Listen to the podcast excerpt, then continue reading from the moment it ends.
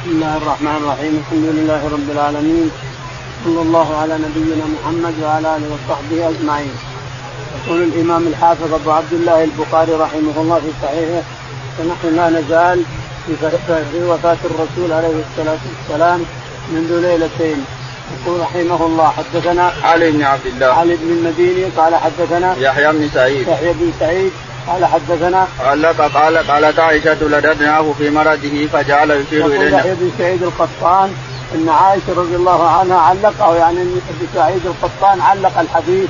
ما هو تعليق هذا؟ يسمى معضل لأنه بينه وبين عائشة ثلاثة.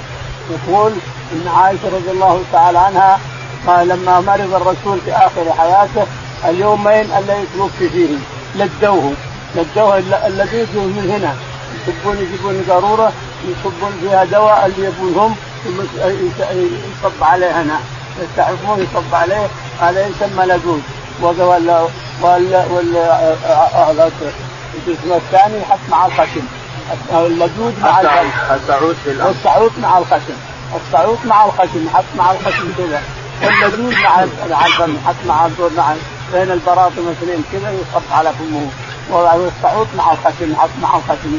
الشاهد انهم ندوه نهاهم نهاهم ولا ولا ولا سمعوا كلامه.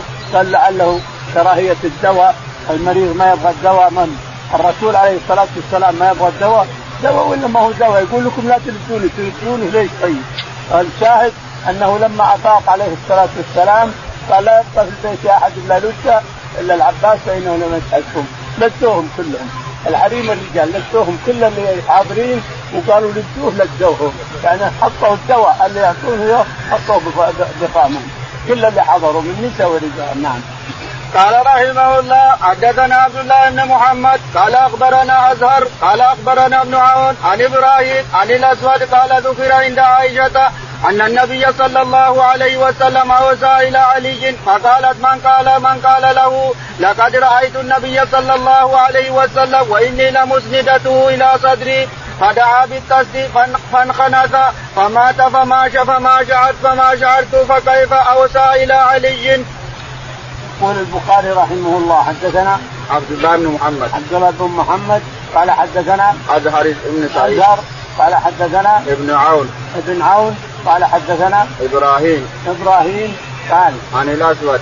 عن الأسود عن عن عائشة. عن عائشة الأسود هذا أبو الأسود. أسود بن يزيد. ابن يزيد النخعي. عن عائشة رضي الله تعالى عنها أنها سمعت اناسا يقولون إن النبي عليه الصلاة والسلام أوصى لعلي. والى الآن وإيران تقول أوصى لعلي. إلى الآن. علي إله عندهم والحسن والحسين وأن النبي أوصى لعلي ويسمونها الوصي يسمون علي والحسن والحسين أبناء الوصي. إلى آخره. إلى اليوم هذا. الشاهد قالوا ان إن النبي عليه الصلاة والسلام أوصى لعلي. قالت من قاله؟ مات حط مسندة ظهره إلى صدري ورأسه وما شعرت وهو يغطى يده بالماء ويرش ما شعرت إلا رأسه خنت في الماء اللي يوتم يعني خلاص مات بين يدي. فمتى أوصى؟ ومن أوصى؟ متى أوصى؟ ما من يوصى مات بين يدي بعد ما انخنت رأسه على على الطش اللي هو ياخذ منه ويرش نفسه. انخنت ومات. فمتى أوصى؟ ومن أوصى؟ كل هذا كذب في كذب نعم. قال رحمه الله حدثنا أبو نعيم قال حدثنا مالك بن مغول عن طلحة قال سألت عبد الله بن أبي أوفى رضي الله عنهما أوزى النبي صلى الله عليه وسلم فقال لا فقلت كيف كتب على الناس الوصية أو أمروا بها؟ قال أوصى بكتاب الله. يقول البخاري رحمه الله حدثنا أبو نعيم. أبو نعيم الفضل بن دكين قال حدثنا مالك بن مغول. مالك بن مغول قال حدثنا طلحه قال حسن بن مفرق قال حدثنا سألت عبد الله بن أبي أوفى رضي الله عنه. سألت عبد الله بن أبي أوفى هل اوصى الرسول عليه الصلاة والسلام؟ نعم. اوصى النبي صلى الله عليه وسلم فقال لا فقال لا قال كيف أجد يأمر الناس بالوصية؟ قال يأمرهم بكتاب الله. أنت إذا أن توصي يعني الوصية التي تكتبها الإنسان وأن لا ينام أحدكم إلا عند راسه وصيه هذه أمر بها الرسول عليه الصلاة والسلام. لكنه ما فعلها هو وما فعلها أمر بها وأمره مقبول. إنما أوصى بكتاب الله. كما في سورة الأنعام ثلاث آيات كلها وصايا. هي اللي اوصى بها نعم. قال رحمه الله حدثنا قتيبة قال حدثنا أبو الأحوص عن أبي إسحاق عن عمرو بن الحارث قال ما ترك رسول الله صلى الله عليه وسلم دينارا ولا درهما ولا عبدا ولا أما إلا بغلته البيضاء التي كان يركبها وسلاحه وأرضا جعلها لابن السبيل صدقة. يقول البخاري رحمه الله حدثنا قتيبة. قتيبة بن سعيد الثقفي قال حدثنا أبو الأحوص أبو الأحوص سلام بن سليم قال حدثنا أبو إسحاق. أبو إسحاق السبيعي قال عمرو بن الحارث. عمرو بن الحارث قال ما قال ما ترك رسول الله صلى الله عليه وسلم دينارا ولا درهما ولا عبدا ولا اما إلا بغلته البيضاء التي ما ترك الرسول عليه الصلاة والسلام شيئا وراءه يورث لأنه قال عليه الصلاة والسلام الان معاشر نحن معاشر الانبياء لا نورث ما تركنا صدقة. إلا ارضا كانت صدقة لابن السبيل. يعني جعل إيجار هذه الأرض لابن السبيل. إذا جاء انسانا منقطع يعطى منها. ابن السبيل هو الذي جاء من بلاده ثم انتهت نفقته ولا عنده شيء يوصل بلاده مرة ثانية. يسمى منقطع. له حق في الزكاة. ابن السبيل له حق في الزكاة. تعطيه الإنسان اللي يوصله إلى بلاده. الشاهد الأرض هذه جعلها لابن السبيل. تؤجر ثم يعطى ابن السبيل منها لأنها من باب الزكاة من باب الزكاة وهو من الثمانية ابن السبيل من الثمانية الذي له حق في الزكاة نعم. قال رحمه الله حدثنا سليمان بن حرب قال حدثنا حماد عن ثابت عن أنس رضي الله عنه قال لما تقول النبي صلى الله عليه وسلم جعل يتغشاه فقالت فاطمة رضي الله عنها وكرب اباه فقال لها ليس على ابيك كرب بعد اليوم. فلما مات قال يا أبتاه أجاب ربا دعاه. يا أبتاه من جنة الفردوس مأواه. يا أبتاه إلى جبريل ننعاه. فلما دفن قالت فاطمة عليه رضي الله عنها يا أنس اطابت أنفسكم؟ ان تحثوا على رسول الله صلى الله عليه وسلم التراب. يقول البخاري رحمه الله حدثنا سليمان سليمان قال حدثنا حماد بن زيد. حماد بن زيد قال حدثنا ثابت.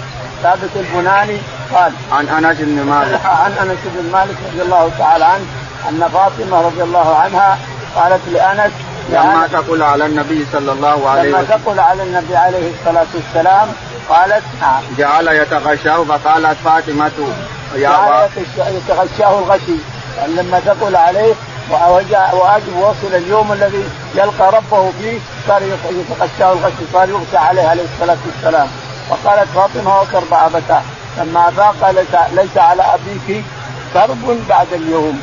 ليس يعني الموت لازم منه. حتى على الأنبياء فيه كرب وفي شدة. لكن بعد اليوم ما في كرب في الفردوس الأعلى مع الأنبياء ومع الرفقاء الحسنة ومع الشهداء. يقول تقول فلما قالت لأنس رضي الله عنه لما مات عليه الصلاة والسلام قالت وكر إلى جبريل ننعاه إلى إلى قالت يا يا أبتاه أجاب ربا دعاه. قالت يا أبتاه أجاب ربا دعاه. يا أبتاه إلى جبريل ننعاه يا أبتاه إلى جنة إلى جنة الفردوس مأوى. عليه الصلاة والسلام عليه الصلاة والسلام نعم. قالت يا أنس اطابت ثم لما دفنوه قالت لأنس بن مالك أرضيت أن تأتي التراب على الرسول عليه الصلاة والسلام؟ هذه سنة الله في خلقه. الأنبياء وغير الأنبياء. سنة الله تعالى خلقهم من تراب ويعيدهم إلى التراب. حتى الأنبياء حتى الرسل حتى الصديق حتى الشهداء. لازم من التراب ثم يخرجون منه. نعم. باب اخر ما تكلم به النبي صلى الله عليه وسلم. قال حدثنا بشر بن محمد قال حدثنا عبد الله قال حدثنا يونس. على الزهري أخبرني سعيد بن المسيب في رجال من أهل العلم أن عائشة قالت كان النبي صلى الله عليه وسلم يقول وهو صحيح إنه لم يقبض نبي حتى يرى مقعده من الجنة ثم يخير فلما نزل به ورأسه على فخذه وشي عليه ثم أفاق فاشخص بصره إلى سقف البيت ثم قال اللهم الرفيق الأعلى فقلت إذا لا يختارنا وعرفت أنه الحديث الذي كان يحدثنا به وهو صحيح قالت فكان آخر كلمة تكلم بها اللهم الرفيق الأعلى. يقول البخاري رحمه الله باب آخر باب آخر كلمة تكلم بها الرسول عليه الصلاة والسلام. يقول البخاري رحمه الله حدثنا بشر بن محمد. بشر بن محمد قال حدثنا عبد الله عبد الله قال حدثنا يونس بن يزيد. يونس بن يزيد الأيلي قال عن الزهري. عن الزهري قال عن سعيد بن المسيب. عن سعيد بن المسيب عن في رجال من أهل في العلم رجال من يروي سعيد بن المسيب عن رجال من أهل العلم. أنه نعم. عن عائشة أن عائشة قالت كان النبي صلى الله عليه وسلم يقول وهو صحيح إنه لم يقبض نبي حتى يرى مقعده من الجنة. الزهري يرى عن رجال من أهل العلم جميع يعني مجموعين. يقولون إن عائشة كانت تقول إن النبي عليه الصلاة والسلام لم يقبض حتى يرى مقعده من الجنة. ثم يقول في مع الرفيق الأعلى يخير. إذا رأى مقعده من الجنة يخير. هل تريد الدنيا ولا تريد مقعدك هذا؟ فيقول مع الرفيق الأعلى مع الرفيق الأعلى. تقول عائشة رضي الله تعالى عنها لما كان يغشى عليه وعندي وبحره إلى صدري كان يغشى عليه فيفيد. فإذا فاق شخص بصره إلى إلى السماء ثم قال مع الرفيق الأعلى مع الرفيق الأعلى. يقول فعلمت أنه قوله إذا إن النبي يختار فإذا اختار قال مع الرفيق الأعلى. فعلمت أنه يخير وأنه اختار الرفيق الأعلى وأنه لا يختارنا نعم. باب وفاة النبي صلى الله عليه وسلم قال حدثنا أبو نعيم قال حدثنا شيبان عن يحيى عن أبي سلمة عن عائشة وابن عباس رضي الله عنه أن النبي صلى الله عليه وسلم لبث بمكة عشر سنين ينزل عليه القرآن وبالمدينة عشرا. يقول البخاري رحمه الله باب كم لبث النبي عليه الصلاة والسلام قال حدثنا أبو نعيم. أبو نعيم قال حدثنا شيبان بن عبد الرحمن. شيبان بن عبد الرحمن قال عن يحيى بن أبي عن كثير يحيى بن أبي كثير الطائي قال حدثنا عن أبي سلمة. عن أبي سلمة بن عبد الرحمن قال عن عائشة وابن عباس. عن عائشة وابن عباس أن النبي عليه الصلاة والسلام جلس بمكه بمكه عشر غلط هذا. انظر اثنين من الصحابة عائشة وابن عباس يغلطون. غلط هذا. جلس 13 سنة في مكة. ثم جلس بالمدينة عشر. فكان فتم له 23 ونبئ إلى 40 صار الجميع 63 سنة. هذا باتفاق علماء الإسلام كاتبة خاطبة واتفاق علماء التاريخ أيضا. علماء السير والمغازي والتاريخ في الرسول عليه الصلاة والسلام اتفقوا على أن عمر الرسول 63 سنة. منها 13 بمكة. 40 ما نبئ ثم نبئ إلى 40 ثم 13 جل- سنة جلس هنا ثم 10 سنوات في المدينة تم له 63 سنة. ذبح في منى 63 ناقة. عدد سنينه عليه الصلاة والسلام. نعم. قال رحمه الله حدثنا عبد الله بن يوسف قال حدثنا الليث عن عقيل عن ابن شهاب عن عروة بن الزبير عن عائشة رضي الله عنها أن رسول الله صلى الله عليه وسلم توفي وهو ابن ثلاث وستين. قال ابن شهاب وأخبرني سعيد بن المسيب مثله يقول البخاري رحمه الله حدثنا عبد الله بن يوسف. عبد الله بن يوسف التنيسي قال حدثنا الليث. الليث بن سعد المصري قال حدثنا عن عقيل عن عقيل عن الزهري قال عن عروة بن الزبير. عن عروة بن الزبير رضي الله تعالى عنه عن عائشة. نعم أن رسول الله صلى الله عليه وسلم توفي وهو ابن ثلاث وستين. أن النبي تقول عائشة رضي الله تعالى عنها أن النبي عليه الصلاة والسلام توفي وهو ب 63 سنة. نعم. كمل له 63 سنة عليه الصلاة والسلام. نعم.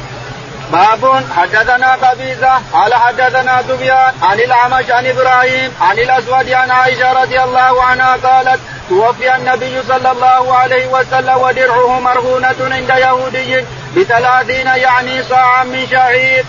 يقول البخاري رحمه الله حدثنا قبيصة قبيصة قال حدثنا سفيان الثوري. سفيان الثوري قال حدثنا عن الأعمش. عن الأعمش سليمان قال عن إبراهيم. عن إبراهيم بن يزيد النخعي قال عن الأسود. عن الأسود بن يزيد أيضا النخعي قال عن عائشة. عن عائشة رضي الله تعالى عنها قالت توفي النبي صلى الله عليه وسلم ودرعه مرهونة عند يهودي تقول عائشة رضي. الله تعالى عنها توفي النبي عليه الصلاة والسلام ودرعه مرهونة عند يهودي بثلاثين صاع من شعير لا أحد إخواني الدنيا سياسية صفوة الخلق. صفوة الخلق أشرف الأنبياء وأفضل الأنبياء. يرهن درعه عند يهود عند على ينفق على نسائه. درعه مرهونة توفي ودرعه مرهونة عند يهود بثلاث شعير أو سدده أبو بكر الصديق رضي الله عنه لما مات الرسول عليه الصلاة والسلام. معنى هذا حقارة الدنيا. معنى هذا عقارة الدنيا. صفوة الخلق يتدين عند وفاته. معنى هذا أن الدنيا حقيرة حقيرة جدا. ملعونة ملعون ما فيها إلا ذكر الله وما والاه. فالدنيا أحقر من يحكم لها الإنسان أو يتضاربون عليها أو يتقاتلون عليها أو يشحنون عليها أو تكره أخاك تبغضه عليها. أحقر من هذا يا جماعة أحقر من هذا. الدنيا حقيرة حقيرة بمعنى الكلمة. ما تسوى عند الله جناح بعوضة. جناح بعوضة. ما تسوى عند الله ولا جناح بعوضة. نعم. يقول ولو سويت ولو سويت جناح بعوضة ما سقى الكافر منها شربة ماء لو سويت عند الله جناح بعوضة. انظر البعوضة غير هذه. لو سويت عند الله جناح بعوضة. ما سقى الكافر منها. الله نعم. باب بعث النبي صلى الله عليه وسلم أسامة بن زيد رضي الله عنهما في مرضه الذي توفي فيه. قال رحمه الله حدثنا أبو عاصم قال الضحاك بن مخلد عن الفضيل بن سليمان قال حدثنا موسى بن عقبة عن سالم عن أبيه استعمل النبي صلى الله عليه وسلم أسامة فقالوا فيه. فقال النبي صلى الله عليه وسلم قد بلغني أنكم قلتم في أسامة وإنه أحب الناس إلي. يقول البخاري رحمه الله حدثنا باب بعث النبي صلى الله عليه وسلم. بعث النبي عليه الصلاة والسلام أسامة بن زيد أميرا على الجيوش عند وفاته عليه في مرضه الذي توفي. في وفاته الذي توفي فيه. في مرض في مرضه. بعد أسامة بن زيد أميرا على الجيوش ولم يخرج. انتظر حتى مات الرسول عليه الصلاة والسلام. يبي يشوف ماذا يفعل الرسول وماذا يقول له. كتب حتى أبو بكر الصديق معه كتبهم مع الجيش. فلما توفي عليه الصلاة والسلام قال أبو بكر الصديق اخرج يا اسامه خلاص جيش أمر الرسول عليه اخرج. هذا من علامات من علامات النبوة وأن الرسول عليه الصلاه وأن هذا الجيش إذا خرج سيغير جميع الاعراب اللي يهمون أن يغزوا المدينة. في بدو اعراب الجزائري حذيفة بن حسن الفزاري ومثل الأقرع بن حارث بن تميم ومثل كذا يتمنون أن يغزوا المدينة إذا كانت ضعيفة. فلما مات الرسول قالوا خلاص المدينة صارت ضعيفة والرسول خرج. لما خرج الجيش هذا الجيش أكثر من ستين ألف. كيف؟ ما يخرج الجيش هذا من مدينة ضعيفه ما يمكن. شوف علامة من علامات النبوة. الجيش أسامة بن زيد. كتب معه أبو بكر الصديق وعمر بن الخطاب وعثمان بن عفان الخلفاء الأربعة كتبهم معه مع أسامة بن زيد وهو أمير عليهم. وكانوا يطعنون بإمارة أسامة بن زيد. فقال الرسول عليه الصلاة والسلام إنكم لتطعنون بإمارة أسامة بن زيد وقد طعنتم بأبيه من قبل. وإنه وإن زيد بن حارثة لخليق بالإمارة وإن أسامة ولده لخليق بالإمارة وإن وإني أحبهما الاثنين. أحبهما. يعني بالرغم من أنكم تبغضونهم أو تطعنون بها أحبهما وإنهما الاثنين لخليقين بالأمارة. فلما توفي عليه الصلاة والسلام خرج الجيش. لا إله خرج الجيش. لما خرج وراى الأعراب والبوادي يسمعون بغزو المدينة أن الجيش قالوا جيش المدينة بقى محل يخرج منه هذا الجيش. ما نقدر نتكلم ما نقدر نقول له شيء. ياكلوننا اسد خلاص. جيش 60000 أكثر من 60000 لما توفي الرسول عليه الصلاة والسلام صار أبو بكر خليفة رجع من ثم استأذن لعمر. يا أسامة اذن لعمر معي وزير لي ومستشار لي فرجع الاثنين. أبو بكر وعمر بن الخطاب رجع الاثنين من الجيش. ورجع بعض الناس استأذنوا لإعذار استأذنوا من اسامه لإعذار رجعوا لكن الجيش. خرج. بجملته خرج الجيش وذهب ذهب ذهب ذهب إلى إلى شيء إلى الصحراء وجال في هنا وجال هنا وجال هنا وجال هنا وجال الاعراض بوادي اللي من هنا وجال حتى شافوا الجيش. فاطمأن الناس واطمأنت المدينة وخاف الأعراب من هذا الجيش. خافوا. الجيش. فرجع أسامة رضي الله عنه. جال هنا وجال هنا وجال هنا وراى الأعراب الجيش وعظمته وكثره فرجع كل جلس من مكانه ورجع رضي الله عنه أسامة بن زيد إلى المدينة. نعم.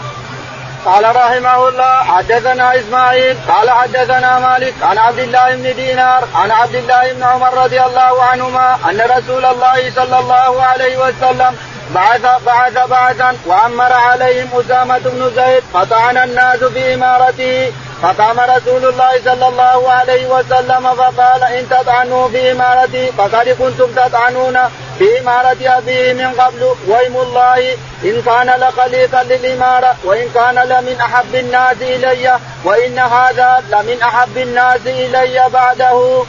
يقول البخاري رحمه الله. حدثنا إسماعيل بن عبد الله. اسماعيل بن عبد الله قال حدثنا مالك. مالك قال حدثنا يعني الأويسي. إسماعيل بن عبد الله الأويسي خالد مالك بن أنس. قال حدثنا مالك قال حدثنا عبد الله بن دينار. عبد الله بن دينار قال حدثنا عن عبد الله بن عمر. عبد الله بن عمر رضي الله تعالى عنه أن النبي عليه الصلاة والسلام بعث بعثا وأمر عليهم أسامة بن زيد رضي الله تعالى عنه وعن أبيه. فطعن الناس في إمارة إسامة بن زيد. فبلغ الرسول عليه الصلاة والسلام فقام خطيبا وقال إنكم تطعنون في إمارة أسامة بن زيد وقد طعنتم بإمارة أبيه من قبله وإنهما لخليقان بالأمارة وإني لأحبهما. يكفي حبه لهما عليه الصلاة والسلام. ما دام يحبهما يكفي ما يحتاج إلى ما أرهم تزكية. ولكن زكاهم عليه الصلاة والسلام. زكاهم. قال إني احبهما وإنهما لخليقان بالأمارة. يعني أفضل من غيرهما واشد من غيرهما. ما فيهم السداد وفيهم الكفاءة. الشاهد إن الجيش خرج ثم رجع. نعم. باب. قال رحمه الله حدثنا أسبق. قال أخبرني ابن وهب. قال أخبرني عمرو عن ابن أبي حبيب عن أبي الخير عن السنابحي أنه قال متى متى هاجرت؟ قال خرجنا من اليمن مهاجرين فقدمنا الجحفة فأقبل راكب فقلت له الخبر فقال دفن النبي صلى الله عليه وسلم منذ خمس قلت هل سمعت في ليلة القدر شيئا؟ قال نعم أخبرني بلال مؤذن النبي صلى الله عليه وسلم أنه في السبع في الأشهر الأواخر. يقول البخاري رحمه الله حدثنا أصبغ أصبغ بن الفرج قال حدثنا ابن وهب. ابن وهب عبد الله. قال حدثنا عمرو بن الحارث. عمرو بن الحارث. قال حدثنا عن يزيد بن أبي حبيب. يزيد بن أبي حبيب. قال حدثنا عن أبي الخير. عن أبي الخير واسمه زيد يزيد. مرثد مرثد مرثد مرثد بن الغنوي نعم. أبي الخير اسمه مرثد الغنوي.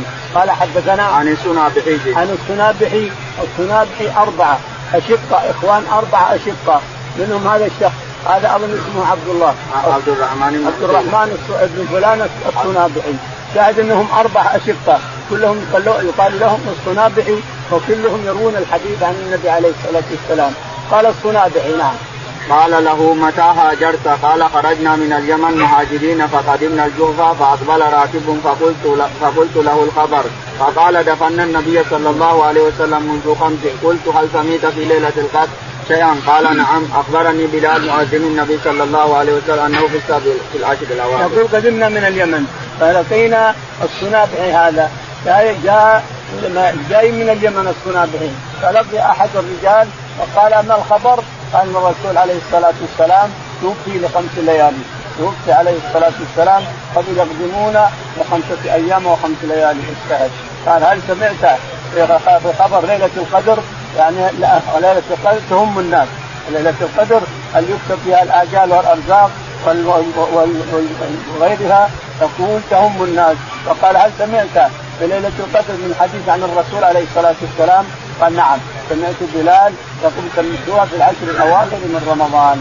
يعني 23 25 27 29 الأفراد. سمعتوها في العشر الأواخر من رمضان. نعم. باب كم غزا النبي صلى الله عليه وسلم؟ قال رحمه الله حدثنا عبد الله بن رجاء قال حدثنا إسرائيل عن أبي إسحاق قال سألت زيد بن أرقم رضي الله عنه كم غزوت مع رسول الله صلى الله عليه وسلم؟ قال سبع عشرة. قلت كم غزا النبي صلى الله عليه وسلم؟ قال تسع عشرة. يقول البخاري رحمه الله باب غزوات الرسول عليه الصلاة والسلام. حدثنا عبد الله بن رجاء. عبد الله بن رجاء. قال حدثنا إسرائيل. إسرائيل. قال حدثنا أبو إسحاق. أبو إسحاق. قال حدثنا عن زيد بن أرقم. عن زيد بن أرقم. قال كم غزوت مع رسول الله صلى الله عليه وسلم؟ سئل كم غزوت مع الرسول عليه الصلاة والسلام؟ قال سبع عشرة غزوة. قال الرسول كم غزا؟ قال ستة عشرة غزوة. الغزوة التي يرأسها الرسول عليه الصلاة والسلام يصير هو قائد الجيوش والسرية اللي يرأسها احد الصحابة رضي الله عنهم. فالفرق بين الغزوة والسرية أن الغزوة القائد الرسول عليه الصلاة والسلام قائد الجيوش الرسول عليه الصلاة والسلام. والسرية أن يرأسها أحد الصحابة يصير هو الأمير فيها إلى آخره. نعم.